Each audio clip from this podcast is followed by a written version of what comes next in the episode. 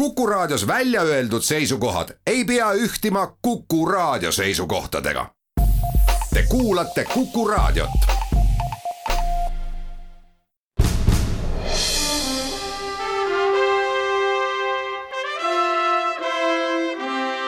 vahetund Postimehega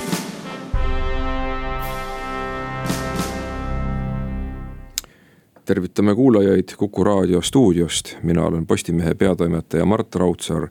ja minuga on koos siin stuudios Postimehe äsja alustanud tehnoloogiatoimetaja Marek Strandberg. tervist, tervist. on rõõm näha ja mul on väga hea meel, et selline kogenud mees nagu Marek on ühinenud meie meeskonnaga, täna kindlasti räägime ka tehnoloogiast laiemalt.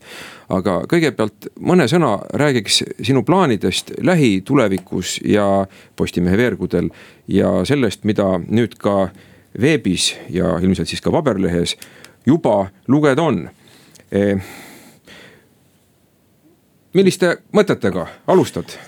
Küsimus on milles, et ega ju me näeme seda kui hüplik, kui hüplik on äh, tehnoloogia käsitlemine üldse Eesti meedias. noh, mitte nüüd, et ta oleks kehv, aga seda tehakse ühel, teisel ja kolmandal moel. ja ega kunagi sellest ei ole küll, äh, see on teine põhimõte, ehk äh, ühe või teise nurga alt tehnoloogia teemasid kõneledes saab kindlasti harida lugejat oluliselt rohkem. Ja ega mul ju mingit ütleme, tehnoloogia ei ole nüüd väga kõmuline valdkond, kus kogu aeg midagi uut ja huvitavat sünniks.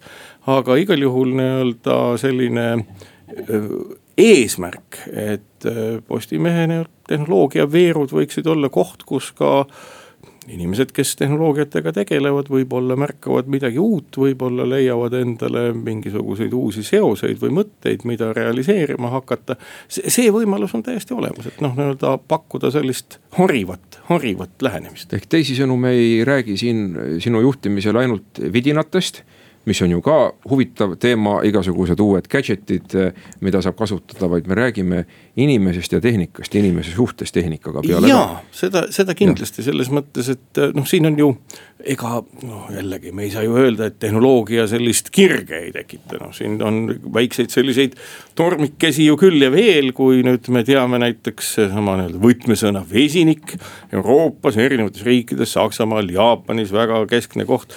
ja siis nagu Eestis ka lokaalselt siis ka on õnnestunud siis tekitada olukord, kus Viru keemiagrupi tehnoloogia arendaja ja Eesti Teaduste Akadeemia president on omavahel nii-öelda kõvas sõnavahetuses.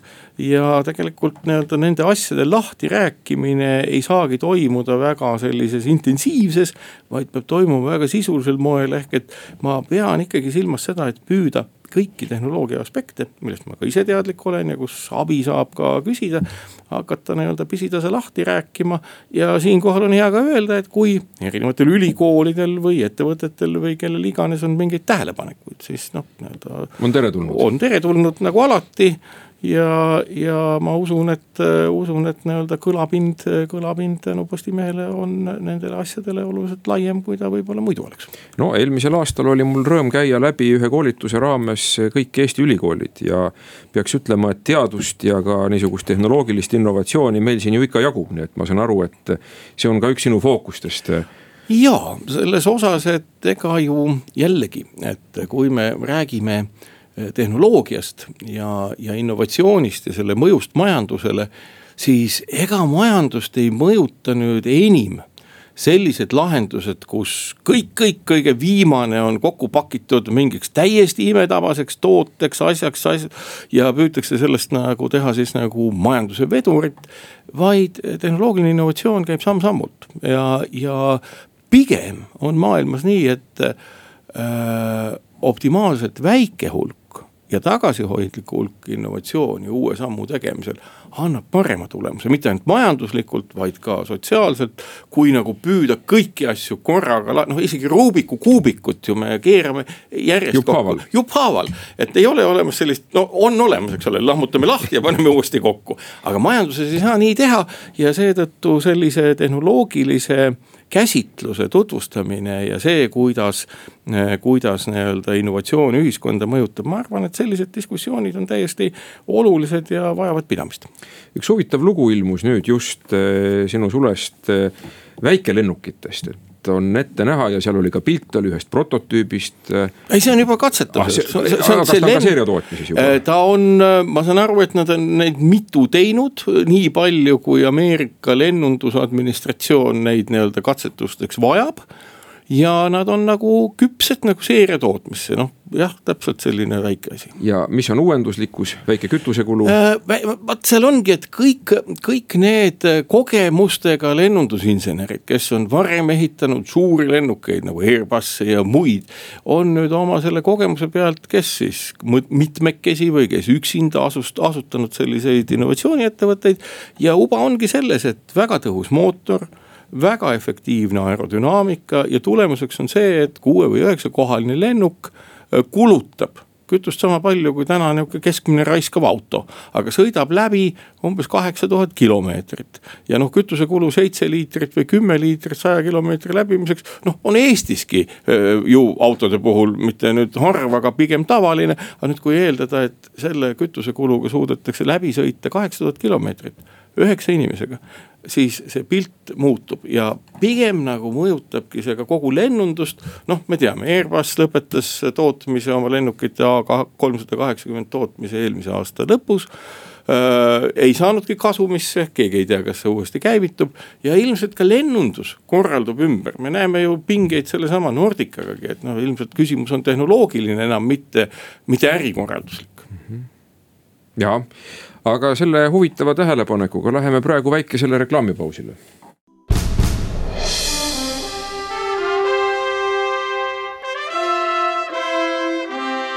vahetund Postimehega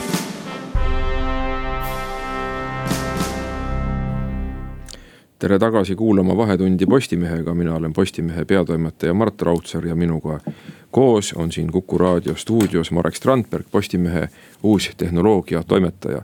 kellega me juba eelmisel poolel väga põnevatel teemadel arutlesime ja jäime pooleli umbes selle koha peal, et eh, innovatsioon ei pea olema ehk muutused tehnoloogias, majanduses ei pea olema üleüldised. Eh, vaid eh, ka väike innovatsioon me ei pea kogu majandust lahti võtma üksikosadeks elementideks. et ka mingisugune pisike innovatsioon, aga olulises kohas ja läbimõeldud kujul tehnoloogias võib muuta väga palju. just ja mis on veel olulisem, on see, et peab olema, noh kui me räägime täna seotult globaalsete probleemidega, milleks on kliima, millest väga pikalt me ei räägi. aga ka nii-öelda küsimus, küsimus kliimast ja selle, selle muutlikkusega toimetulekust tähendabki sellesama sassi läinud Rubiku kuubiku õiget nii-öelda kokkukerimist, ehk et need on. see ei ole nagu see, et kõik innovatsioonid ma kirjeldan ära, nüüd hakkame seda tegema. vaid see on ikkagi nagu selline dünaamiline, järjestikune plaan, nii nagu väga paljud riigid täna teinud on, ka Euroopa Liit nende hulgas kui riikide selline ühendus mismoodi olukorrast kehv minna olukorrasse veidi parem just nimelt järjestikuste innovatsioonide kaudu. no igasugune olukord, mis on parem kui kehv, on järelikult ju hea. praegu me Eestis oleme olukorras, kus hakatakse rääkima riigieelarvest. Arutletakse kuidas me saaksime oma majandust sellest positsioonist kehv liigutada natuke paremasse. ja, ja seda me oleme ka toimetuses, me ei ole siin ju poliitikud, aga loomulikult eh, majanduspoliitika on see, mida me kajastame. ja me oleme ka toimetuses arutanud eh, seda, et mis meie võiksime siin arvata sellest, mis tooks Eesti majandusse uue hingamise, ilmselgelt see ei ole mitte üks hõbekuul, aga see, me ei peaks ilmselt mitte kulutama raha, mis suuresti on ju ka laenuraha vana majanduse üleval hoidmisele, vaid peaksime olema nutikad Eesti väiksust arvestades, mõtlema, mis on nüüd see niisugune liigutus või liigutused, mida me saaksime teha, mis annavad meile jätkusuutlikkuse ja võib-olla ka keskkonnasäästlikkuse. Ja see täpselt nii ongi, kriitiline küsimus on ennekõike selles, et äh, vaja on vaadata majandusprotsessidele otsa ja tänasel hetkel, kui me oleme selle kevadise pandeemia juhtumi järgselt aru saanud, noh, mis tõepoolest on valdkonnad, mis enam ei taastu ühelgi moel. Kuidas neid, mis ei taastu, asendada millegi uuega. näiteks, mis meil ei taastu enam no, mingil moel? ma arvan, et paraku kõikidele lootustele vaatamata ilmselt turismiäri ei taastu samal moel, võib-olla ka restoraniäri, võib-olla ka mingi osa kinnisvaraärist ehk bürood. just nimelt selles kontekstis, et inimesed ei, on kogenud, et tänu digitaalsele keskkonnale mille eest tuleb loomulikult maksta infotehnoloogia ettevõtetele, mitte kinnisvaraettevõtetele, aga ei ole tõepoolest vaja nii palju koha peal olla ja ma arvan, et need muutused on veel ulatuslikumad. ja selles kontekstis ongi inimestele vaja ju pakkuda mingit uut lahendust, noh neid majanduslikke mudeleid, noh võtan jälle näiteks sellesama Saksamaa näite, mida ma täpsemalt tean. Nende nii-öelda ulatuslik vesinikupööre põhineb ikkagi sellel, et suurtele mitte ainult ettevõtetele, vaid ka pankadele äh, tehakse atraktiivseks kapitali väljavahetamine, noh selles mõttes, et. kas siis ei... riigi poolt tehakse äh, atraktiivseks? ma arvan, et need on hästi komplekssed nii-öelda asjad, et küll riigi poolt, küll tõenäoliselt keskpankade poolt. ja ilmselt noh, ka rõhutakse sellisele korporatiivsele vastutusele ja ega kui ka majandust laiemalt vaadata ega me ju teame, mis on halb, meil ei ole ju vaja enam analüüsida seda, et aru saada, et fossiilenergia põhine majandus on kliimale halb.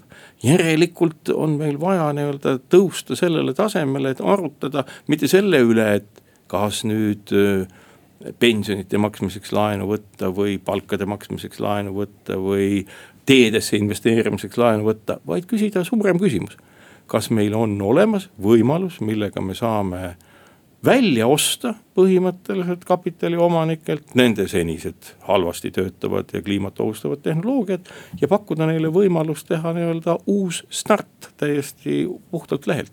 ja see toob endaga kaasa küll muutusi muudes toetavates töökohtades, võib-olla isegi tänu noh, näiteks kui me kujutame ette sedasama juttu eh, vesinikutehnoloogiast, mille kõik komponendid minu arusaamist mööda on täna maailmas olemas, olnud olemas juba sada aastat et kui öeldagi, et okei okay, me lähemegi üle, mis tähendab seda, et siia tuleb suur hulk insenere, suur hulk öö, oskustöölisi, kuna ise ei jõua me neid koolitada ja võib-olla see ongi see tugi, mida on vaja näiteks turismiettevõtetele anda, et nad saavad majutust, majutada, majutada kõiki neid insenere, kes järgmise kümne aasta jooksul näiteks põlevkivi ja naftapõhise Eesti majanduse keeraksid vesinikupõhiseks. mida see tähendaks Eesti kontekstis, et me keeraksime selle põlevkivi ja naftapõhise majanduse vesinikupõhiseks?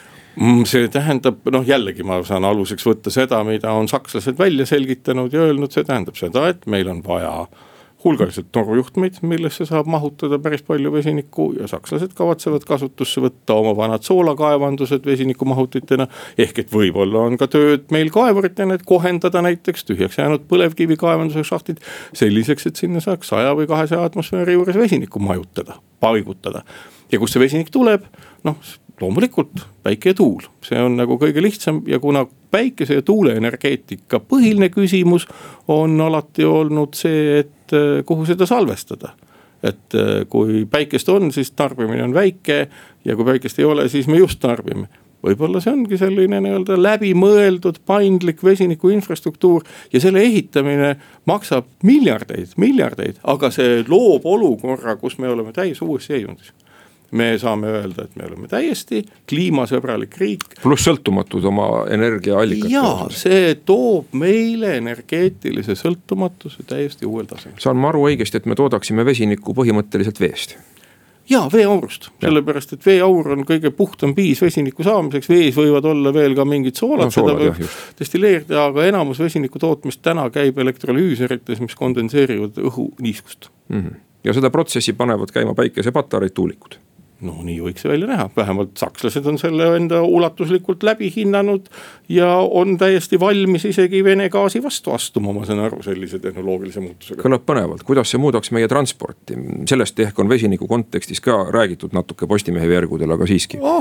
noh, enamus selliseid sõidukeid, mis vesinikku endasse laevad ja kasutavad kütuseelemendis, on põhimõtteliselt tehnoloogiliselt olemas. seal mingit erilist innovatsiooni pole vaja teha, vaid lihtsalt tekitada olukord, kus neid rohkem toodetakse, et selline kõrge hind muutuks odavamaks. ma küsin sellise küsimuse, et eh, kui nüüd ma pean otsustama, kas osta uut autot, elektriautot või vesinikuautot, siis kumba ma võiks eelistada, tuleb varsti vesinikuauto või? Äh, vesinikuauto on ka täna olemas, lihtsalt äh, täna no, me oleme. vähe, vähe Ameerikas paaris osariigis. Saksamaal tuhandeid sõidab ah, ringi ja, ja. seda ma ei teadnudki. Neil on isegi sadu vesinikutanklaid, aga meie olukorras on jah, seesama küsimus, et kui sa kuuleksid, kui sa kuuleksid, et peaminister ütleb, et nüüd teeb Eesti jõulise vesinikupöörde ja asub investeerima täiesti uude infrastruktuuri, siis ma arvan, et kolme-nelja aasta pärast, hiljemalt viie aasta pärast on siin priimad vesinikutanklad ja suhteliselt odav vesiniku hind.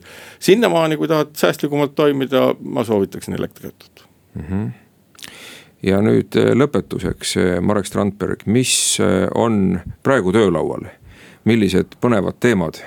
Mitte, et nüüd kõik kogu saladust ära ei, rääkida, aga. mingit saladust ei olegi, mingit saladust ei olegi. vaatlen praegu, vaatlen praegu ühte huvitavat, huvitavat arengut, mis on toimumas teleskoopide valdkonnas, kus meie silm on muutumas, mis universumisse vaatab aina teravamaks ja teravamaks Ehm, loen ja, ja, ja küsitlen seal inimesi, et võib-olla sellest saab täitsa huvitava loo. aga kuidas ma ütlengi, et, et maailm on täis põnevaid asju, mille mõjud on globaalsed. aga nii mõnigi asi puudutab ka Eestit ühel või teisel moel. oleme selleks valmis. haarame härjal sarvist, miks mitte. suur tänu, Marek Strandberg. ja läheme pausile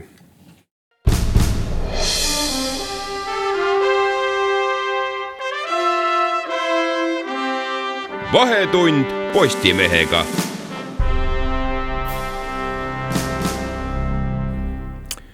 tere tulemast tagasi kuulama saadet Vahetundi Postimehega.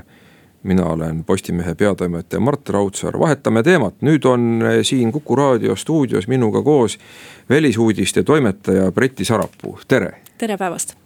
ja hiljaaegu kaheksanda septembri lehes oli sinu sulest suur lugu pealkirjaga Saksa ekskantsler. jutt käib siis Gerhard Schröderist, kes oli väga pikalt Saksamaa liidukantsler.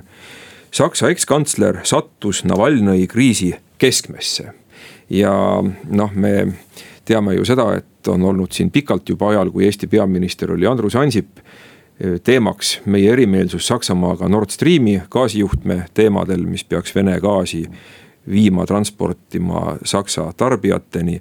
meie pidasime seda selliseks ehm, julgeolekuohuks, majandusinstrumendiks, millega saab Venemaa mõjutada Saksamaad. toona oli Saksamaa mm, absoluutselt teistsugusel seisukohal. nüüd on käimas teine projekt, teine juhe Nord Stream kaks. aga tundub siis, et midagi on ka Saksamaal muutumas selles gaasijuhtme teemas jah, ühelt poolt võib küsida, et miks me räägime ühest ekskantslerist, kes äh, lahkus ametist aastal kaks tuhat viis. me räägime temast sellepärast, et äh, ta pärast ametist lahkumist, pärast seda, kui ta vahetult enne kantsleri ameti lõppu allkirjastas kõik need lepped, mis tegid Nord Stream kahe võimalikuks asus tööle äh, ettevõttes, ettevõtetesse Venemaal, mis siis Nord Stream kahe projekti ehitamisega seotud on. ehk Vene palgal põhimõtteliselt? ta on põhimõtteliselt Vene palgal, samal ajal tasub meeles hoida, et ta on endiselt Saksa demo-, Sotsiaaldemokraatliku partei liige. Äh, nii et siit saab edasi spekuleerida siis juba selle üle, kuivõrd suured hoobad või kuivõrd suur mõju on tal oma erakonnakaaslaste seas. ehk siis, kui me räägime sellest, et Saksamaal on kaks erakonda võimul, kristlikud demokraadid ja sotsiaaldemokraadid. suur koalitsioon. suur koalitsioon kellest siis nüüd seoses Navalnõi mürgitamisega kristlikud demokraadid on rohkem väljendanud seda meelt, et võib-olla võiks Nord Stream kahe ehituse peatamise peale mõelda siis sotsiaaldemokraadid on tagasihoidlikumad ja võibki küsida, kas seal võib-olla on selle ekskantsleri käsi ka mängus. -hmm. aga kas küsimus on nüüd ainult Navalnõi mürgitamises nii-öelda sanktsioonides reaktsioonina või on nad ikkagi aru saanud, mida siis see Nord Stream endast võib neile tähendada? Uskumatul kombel tõesti tundub, et no kuidagi on nüüd läinud asi nii kaugele just selle Navalnõi mürgitamisega. et me kuuleme Saksamaalt selliseid äh, lauseid ja selliseid väljaütlemisi, mida ei ole esile kutsunud ei Krimmi annekteerimine, ei Skripalide mürgitamine või eelmisel aastal Berliinis aset leidnud Tšetšeeni mõrv. et varem ei ole, on ja isegi veel kaks, vähem kui kaks nädalat tagasi oli Merkel äh, väga selgel seisukohal et majandusasjad ja poliitilised asjad Venemaaga seoses peavad seisma eraldi. aga nüüd, kui ikkagi tuli välja, et äh, Navalnõi mürgitati Novitšokiga. ma küsin vahele, et ja. siin on ju ka see teema edasi arenenud, isegi palaganini läinud, et kus siis äh, Venemaa esineb mingisuguste ümberlükkavate väidetega ja et neil pole ikkagi asitõendeid ja et see kõik on üks selline fake news ehk siis valeuudis et äh, kas me võime olla nüüd kindlad, et need asitõendid on sakslastel olemas? No sakslasi teades lihtsalt tahaks küll arvata, et seal mingit, no ei ole nagu võimalust, et oleks mingit mingit pettust, et miks, miks see peaks olema, loomulikult ja isegi Saksa Saksamaa vasakpoolne erakond Die Linke, sealt kostus näiteks sõnumeid, et võib-olla Navalnõi mürgitati kellegi poolt, kes tahabki Nord Stream kaks projekti õõnestada, ühesõnaga, eks neid vandenõuteooriaid on igasuguseid, aga no, arvatavasti Saksamaal on kõik tõendid olemas mm. -hmm. nii, aga su mõttearendus jäi pooleli ennist? Äh, ja, kui ma nüüd mäletaks, kus ma täpselt pooleli jäin, aga äh, ühesõnaga jah, see retoorika Saksamaal on tõepoolest muutunud, et kui varem on Nord Stream kahte ka nähtud justkui ainult majandusprojekti. Merkel rõhutas vähem kui kaks nädalat tagasi, et seda ei tohi siduda äh, Äh, üldse mingi poliitilise asjaga ka nagu Navalnõi mürgitamine, siis nüüd on see muutunud, et vähemalt ei välistata seda, et kui Venemaale sanktsioone kehtestatakse, et see võiks puudutada ka Nord Stream kaht gaasijuhet. kas seal on veel midagi, on seal veel Vene kapitali Saksamaal suurelt midagi tegemas, infrastruktuuriprojekte või muud säärast? Äh, tegelikult äh, üldse Venemaaga on sellised huvitavad suhted Saksamaal, et ega varem on ju ka räägitud Krimmi sanktsioonidega seoses on teatud tugevad hääled, ähm, eriti idapoolsetes liidumaades Saksamaal kes on öelnud, et need sanktsioonid on väga-väga kahjulikud äh, Saksamaale, aga tegelikult analüütikud ütlevad, et ei, et. et Saksamaad kuidagi nii väga tegelikult Venemaa karistamine ei mõjuta negatiivselt mm. -hmm. et ei ole karta, et äh, poed sulguvad ja valgus kustub. et me siin kõnelesime eelmises saate pooles Marek Strandbergiga, kes nüüd ma ei suuda meenutada, kas küll eetris või mitte, võib-olla eetripausi ajal ütles, et tegelikult on Saksamaa valmis ühel hetkel, kui teema läheb väga teravaks, loobuma Venemaa gaasist ning minema üle vesinikumajandusele, kasutades ka neid olemasolevaid torujuhtmeid, gaasitorujuhtmeid vesiniku hoiupaigana. et see kõik on väga huvitav, aga vaadates Saksamaa majandust nüüd eh, koroonakriisis. Eh, mulle tundub, et Saksamaa on sellest tulnud suhteliselt hästi välja jah, praegu noh, ega Eesti samamoodi need kõik need kevadised äh, prognoosid olid hirmsamad kui see, mis äh, praegu välja tuli.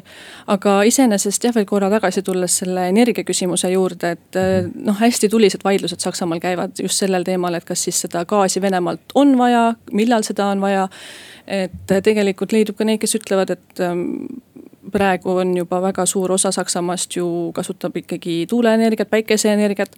samas on neid, kes teavad, et ähm, Saksamaa peagi loobub tuumaenergiast äh,, rohkem kui kümne aasta pärast ka kivisöeenergiast, et äh, siis justkui ikkagi oleks seda gaasi vaja, samas vesinikutehnoloogia on veel sellises arengujärgus, et võib-olla tõesti seal tuleb mingi läbimurre, et ühel hetkel tõesti avastatakse, et gaasi polegi vaja aga Saksamaa majandus jah, äh, praegu justkui äh, on parem kui see, mis kevadel arvati, aga samas ikkagi on sektoreid, mis vaevlevad, et äh, Saksa autotööstus kohtub sel nädalal valitsusega, et arutada toetusmeetmeid, et. ja eks me teame ju, et teine laine ohustab nii inimesi kui siis ka majandust. mis sektorid Saksamaal veel vaevlevad peale autotööstuse? kahtlemata turism on Saksamaal noh, mitte siis jah, võib-olla nii oluline kui kõik paljudes äh, Lõuna-Euroopa riikides, aga jah, autotööstus on muidugi suurim ju, üks suurimaid sissetulekuallikaid ja. ja, ja seal see tähelepanu kõige rohkem jah, jah, autosektoril mm. -hmm no Saksamaa majanduse hea käekäik on väga oluline kahel põhjusel meile, esiteks ta on konkreetselt Eesti partner ja teiseks ta on Euroopa Liidu üks tugisammastest, et kui Saksamaal ei lähe hästi, kui Saksamaa ei ole tugev, siis ajal, kui Ameerika on nõrk ei saa Euroopa endale lubada, et tema kese Saksamaa oleks nõrk ja Saksamaa ja Prantsusmaa, mis moodustavad sellise traditsioonilise Euroopa telje. Jah, jah, kahtlemata, et äh, samas oli ju huvitav, kui toimus Euroopa Liidu äh, ülemkogu, et siis lõpuks, ähm, see oli nüüd ju tänaseks paar kuud tagasi. Äh, et selle järelmõju ja järeltulem oli ju ka see, et lõpuks oli näha, et Prantsusmaa ja Saksamaa on ka võtnud ühiselt sellise noh, ühise positsiooni, et me ju varasemast teame, et ka Merkelil ja Macronil on olnud teatavaid hõõrumisi, et ähm, et siis suvel me nägime seda, et justkui see mootor põrises käima ka jah, seal Kesk-Euroopas ja Lääne-Euroopas siis Prantsusmaa ja Saksamaa suhete näol. enne kui me pausile läheme, ma küsin eh, sinu käest, kuidas, küll ennustamine on tänamatu töö, aga kuidas sa prognoosid selle Nord Stream kahe saatust, et kummad hääled jäävad siis Saksamaal peale, kas need, mis ütlevad, et ühendame lahti, ei tee. või need, kes ütlevad, et teeme lõpuni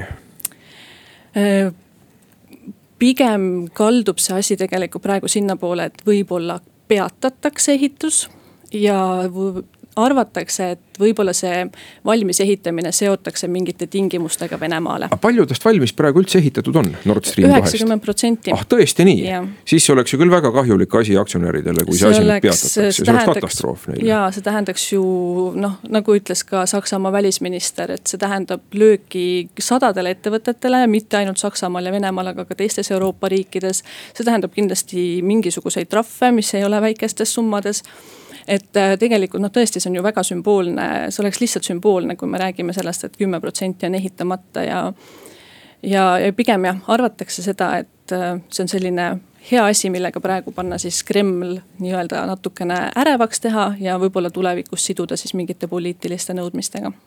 nii, aga siit läheme väikesele reklaamipausile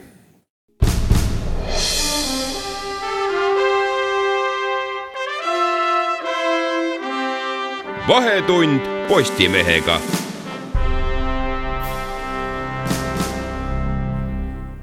jätkame Vahetundi Postimehega, mina olen Postimehe peatoimetaja Mart Raudsaar. jätkame Saksamaa teemaga ja minuga koos on stuudios Breti Sarapuu, kes on meie välisuudiste toimetaja. ja eelmises veerandis me rääkisime Nord Stream kahest ja meie jutt lõppes seal, et võib juhtuda, et Nord Stream kaks torujuhe mis peaks transportima maagaasi Venemaalt Saksamaale ja on valmis ehitatud üheksakümne protsendi ulatuses umbes täpselt. võidakse siis peale Navalnõi mürgitamist peatada Saksamaal, külmutada see projekt ja see on see hinnang tõenäoline hinnang, mida me praegu siin stuudios saame anda. aga kui ma õigesti aru saan, siis ka Ameerika on olnud ju küllaltki kriitiline selle projekti suhtes. Neil on muidugi hea rääkida, nemad sealt gaasi ei saa. no tõepoolest, neil on hea, hea rääkida ka sellepärast, et nad loomulikult tahaksid äh, meile oma gaasi nii-öelda siis Kilda Euroopasse, kildagaasi just nimelt Euroopasse transportida või noh, tähendab tarnida ja, ja noh, nad muidugi seda nad tunnistavad ka, aga samas nad siis rõhutavad, et äh, kui paha on ikkagi olla sõltuvuses Venemaast aga, ja tegelikult see ongi nüüd ka huvitava nii-öelda sellise nüansi loonud, et ähm, tegelikult me teame, et ka Merkeli ja Trumpi suhted ei ole just kuigivõrd sõbralikud ja. ja sellepärast, ähm, kuigi USA surve on väga tugev olnud sellele ka, et äh, gaasijuhtme ehitus peatada, siis äh, ei taha tegelikult Merkel nüüd küll välja näidata seda, et nad USA survele järele annaksid aga analüütikud on nüüd spekuleerinud, et tegelikult see Navalnõi mürgitamine andiski võib-olla hoopis sellise hea võimaluse Saksamaale näidata ka siis vastuseisu Venemaale ja Nord Stream kaks projektile. ilma, et näidataks välja justkui nad oleksid leebed või noh, ühesõnaga, et nagu nad alluksid siis USA tahtele. nojah, et äh, ei ole küll olnud tõesti head suhted äh, Saksamaal Venemaaga üleliia head, aga ega ei ole nüüd nad olnud paraku ka kuigi head Ameerika Ühendriikidega, kuigi erinevalt Putinist, kelle koera, nagu ma mäletan, ühel külaskäigul kantsler Merkel pidi pelgama, kuigi seal midagi hullu ei juhtunud, aga ikkagi selline kummaline situatsioon seal oli. siis Putinil oli üks väga suur lõukoer et eh, Trumpil vist eh, niisugust seika Merkeliga pole olnud, aga siiski nende viimane kohtumine päädis sellise jaheda niisuguse õhkkonnaga, et mis seal siis oli, mis koer sealt vahelt läbi jooksis? jah, tõepoolest on spekuleeritud, et Putin täitsa tahtlikult tahtiski Merkelit hirmutada, sest on teada fakt, et Merkel koeri kardab. jah, Trump midagi nüüd nii labast teinud ei ole otseselt, aga lihtsalt nende vahel ongi noh, räägitakse juba ju sellest, et lihtsalt niimoodi põhimõttelised erinevused maailmavaates ja ja aga jah, nii et ähm, see, et ühesõnaga, see on huvitav, et, et. no kaitsekulutuste teema kindlasti ja, on üks ja, asi, kus siis äh, Saksamaa on ju öelnud, et liitlased elavad tema arvel. kuna nad kulutavad vähem kui kaks protsenti rahvuslikust koguproduktist ja noh, Saksamaa arusaadavalt ka on olnud pigem natuke patsifistlik peale teise maailmasõja lõppu lõppu, aga ütleme Eesti poolt vaadates loomulikult meie huvi on see, kui Saksamaa on ka sõjaliselt tugev. nii et noh, siin iseenesest nagu Trump meie vaates Eesti rahvuslikest huvidest rääkides nagu valet asja otseselt ei aja aga noh, me teame, et ta on lihtsalt olnud, ütleme oma liitlaste suhtes küllaltki ettearvamatu. ja Saksamaa on olnud ju, olnud selline tubli liitlane eh, Ameerikale. aga nüüd, kui me räägime hetke Saksamaa poliitikast, et eh, Merkel on ju minemas aasta vist on tal jäänud kantsleri ametis. ja kui me võrdleme mõne muu riigiga Saksamaad Euroopa Liidus, võtame kasvõi Itaalia, kus valitsused lähevad ja tulevad, siis Saksamaad iseloomustab stabiilsus alates teise maailmasõja lõpust, kuigi ütleme, taust on ju sarnane. mõlemad olid autoritaarsed või totalitaarsed riigid, kus eh, tuli liitlaste okupatsioon, peale mida taastati nii-öelda demokraatia ja loodi poliitiline süsteem sisuliselt nullist, sakslased isegi kasutavad terminit stunde null. et nagu nullist tehti restart poliitilisele süsteemile, aga, aga erinevalt Itaaliast on Saksamaa olnud stabiilne. kantslerid, läheme ajaloos, Adenauer, võtame siin Kohl ja nüüd Merkel ja ka Schröder oli kaks ametiaega, on olnud ikkagi pikalt ja tegutsenud eh, selles mõttes eh, tugeva mandaadiga mis on selle põhjus? jah, kui Merkel nüüd järgmisel aastal sügisel ametist läheb, äh, on ta olnud selle kantsler rohkem kui viisteist aastat, et. tõepoolest algab täiesti, täiesti uus ajastu, me saame seda kindlasti öelda, et. mis on selle ikkagi sakslaste olemus võib-olla ka ja selline usaldus siis stabiils- või noh, iha stabiilsuse järele ja ja muidugi jah, Merkelit on ka ju saatnud skandaalid, noh alati nüüd viimastest aastatest rääkida, siis kasvõi migrandikriisiga seoses, aga ka sellest hoolimata ta kaks tuhat seitseteist -hmm. jätkuvalt jätkas kantsleri ametis, et et jah, aga see, mis saab pärast, sellest on nüüd juba räägitud mitu aastat, mis hakkab saama sellest hetkest alates, kui Merkel enam kantsler ei ole, et. sest ta ju pikalt tegeles oma järglase valimisega, kelleks on ju siis praegune kaitseminister peaks olema, aga nüüd tundub, et temast vist ikkagi ei saa Merkeli järglast, vähemalt ta vist ise nagu on sellest rollist taganenud. jah, see on nüüd täitsa kindel, et kaitseminister Anne-Gret Kramp-Karrenbauer kantsleriks ja üldse Merkeli järglasena ei jätka. detsembris toimub äh, Kristlike Demokraatide partei päev, kui valitakse siis uus partei juht, kellest siis, kui valimised väga hästi lähevad, ilmselt saaks kantsler ja, ja äh, Karen Bauer seal nimekirjas siis nii-öelda ei kandideeri, et me räägime nüüd kindlasti sellest, et äh, kristlikke demokraate hakkab juhtima mõni meesterahvas. aga miks just mees? Äh, sest et ükski naine ei ole nüüd kandideerimas lihtsalt. tähendab kandidaatide seas lihtsalt ja, naisi ei ole? lihtsalt ei ole, kui Karen Bauer taandus, siis on jäänud järele ainult mehed ja, ja aga samas ei ole välistatud, et üleüldse Saksamaa poliitmaastik on nüüd nii palju muutunud et äh, võimalik, et kantsler ei tõuse üldsegi äh, kristlikest demokraatidest, et rohelised on ju väga tugevad aga.... see oleks siis nagu kompromisskandidaat sel juhul või? ütleme kahe suure partei vahel, kuna viimased valimised on läinud ju niimoodi, et nad on sotsiaaldemokraadid ühelt poolt ja kristlik-demokraadid teiselt poolt jäänud viiki ja siis on tehtud selline suur koalitsioon, kuna eraldi ka kumbki valitseda ei saa. Äh, jah, aga no nüüd sotsid on ikkagi hästi seda meelt juba eelmiste valimiste järel, nad ikkagi väga tahtsid seda suurt koalitsiooni kristlike demokraatidega vältida ja nüüd samamoodi ikkagi rõhk on sellel, noh sotsiaaldemokraadid väga loodavad, et nemad saavad vähemalt kakskümmend protsenti häältest. ja võtavad ikkagi endale mõned väikesed partnerid juurde ja saavad endale selle kantsleri koha, sama loodavad rohelised.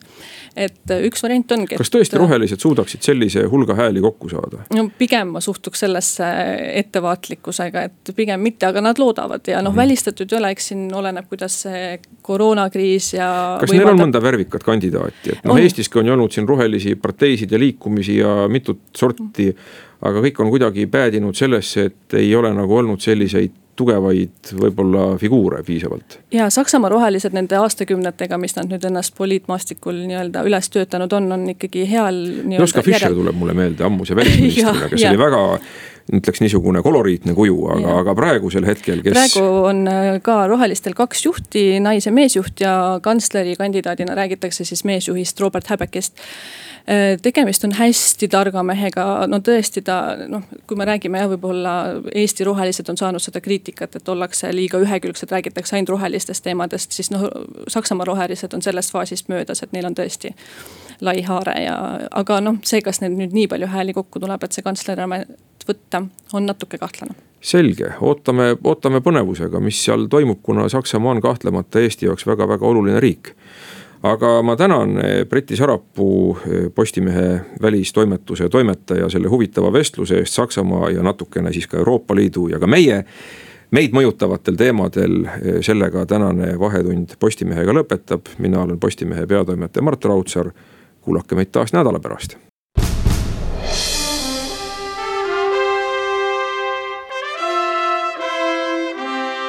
vahetund Postimehega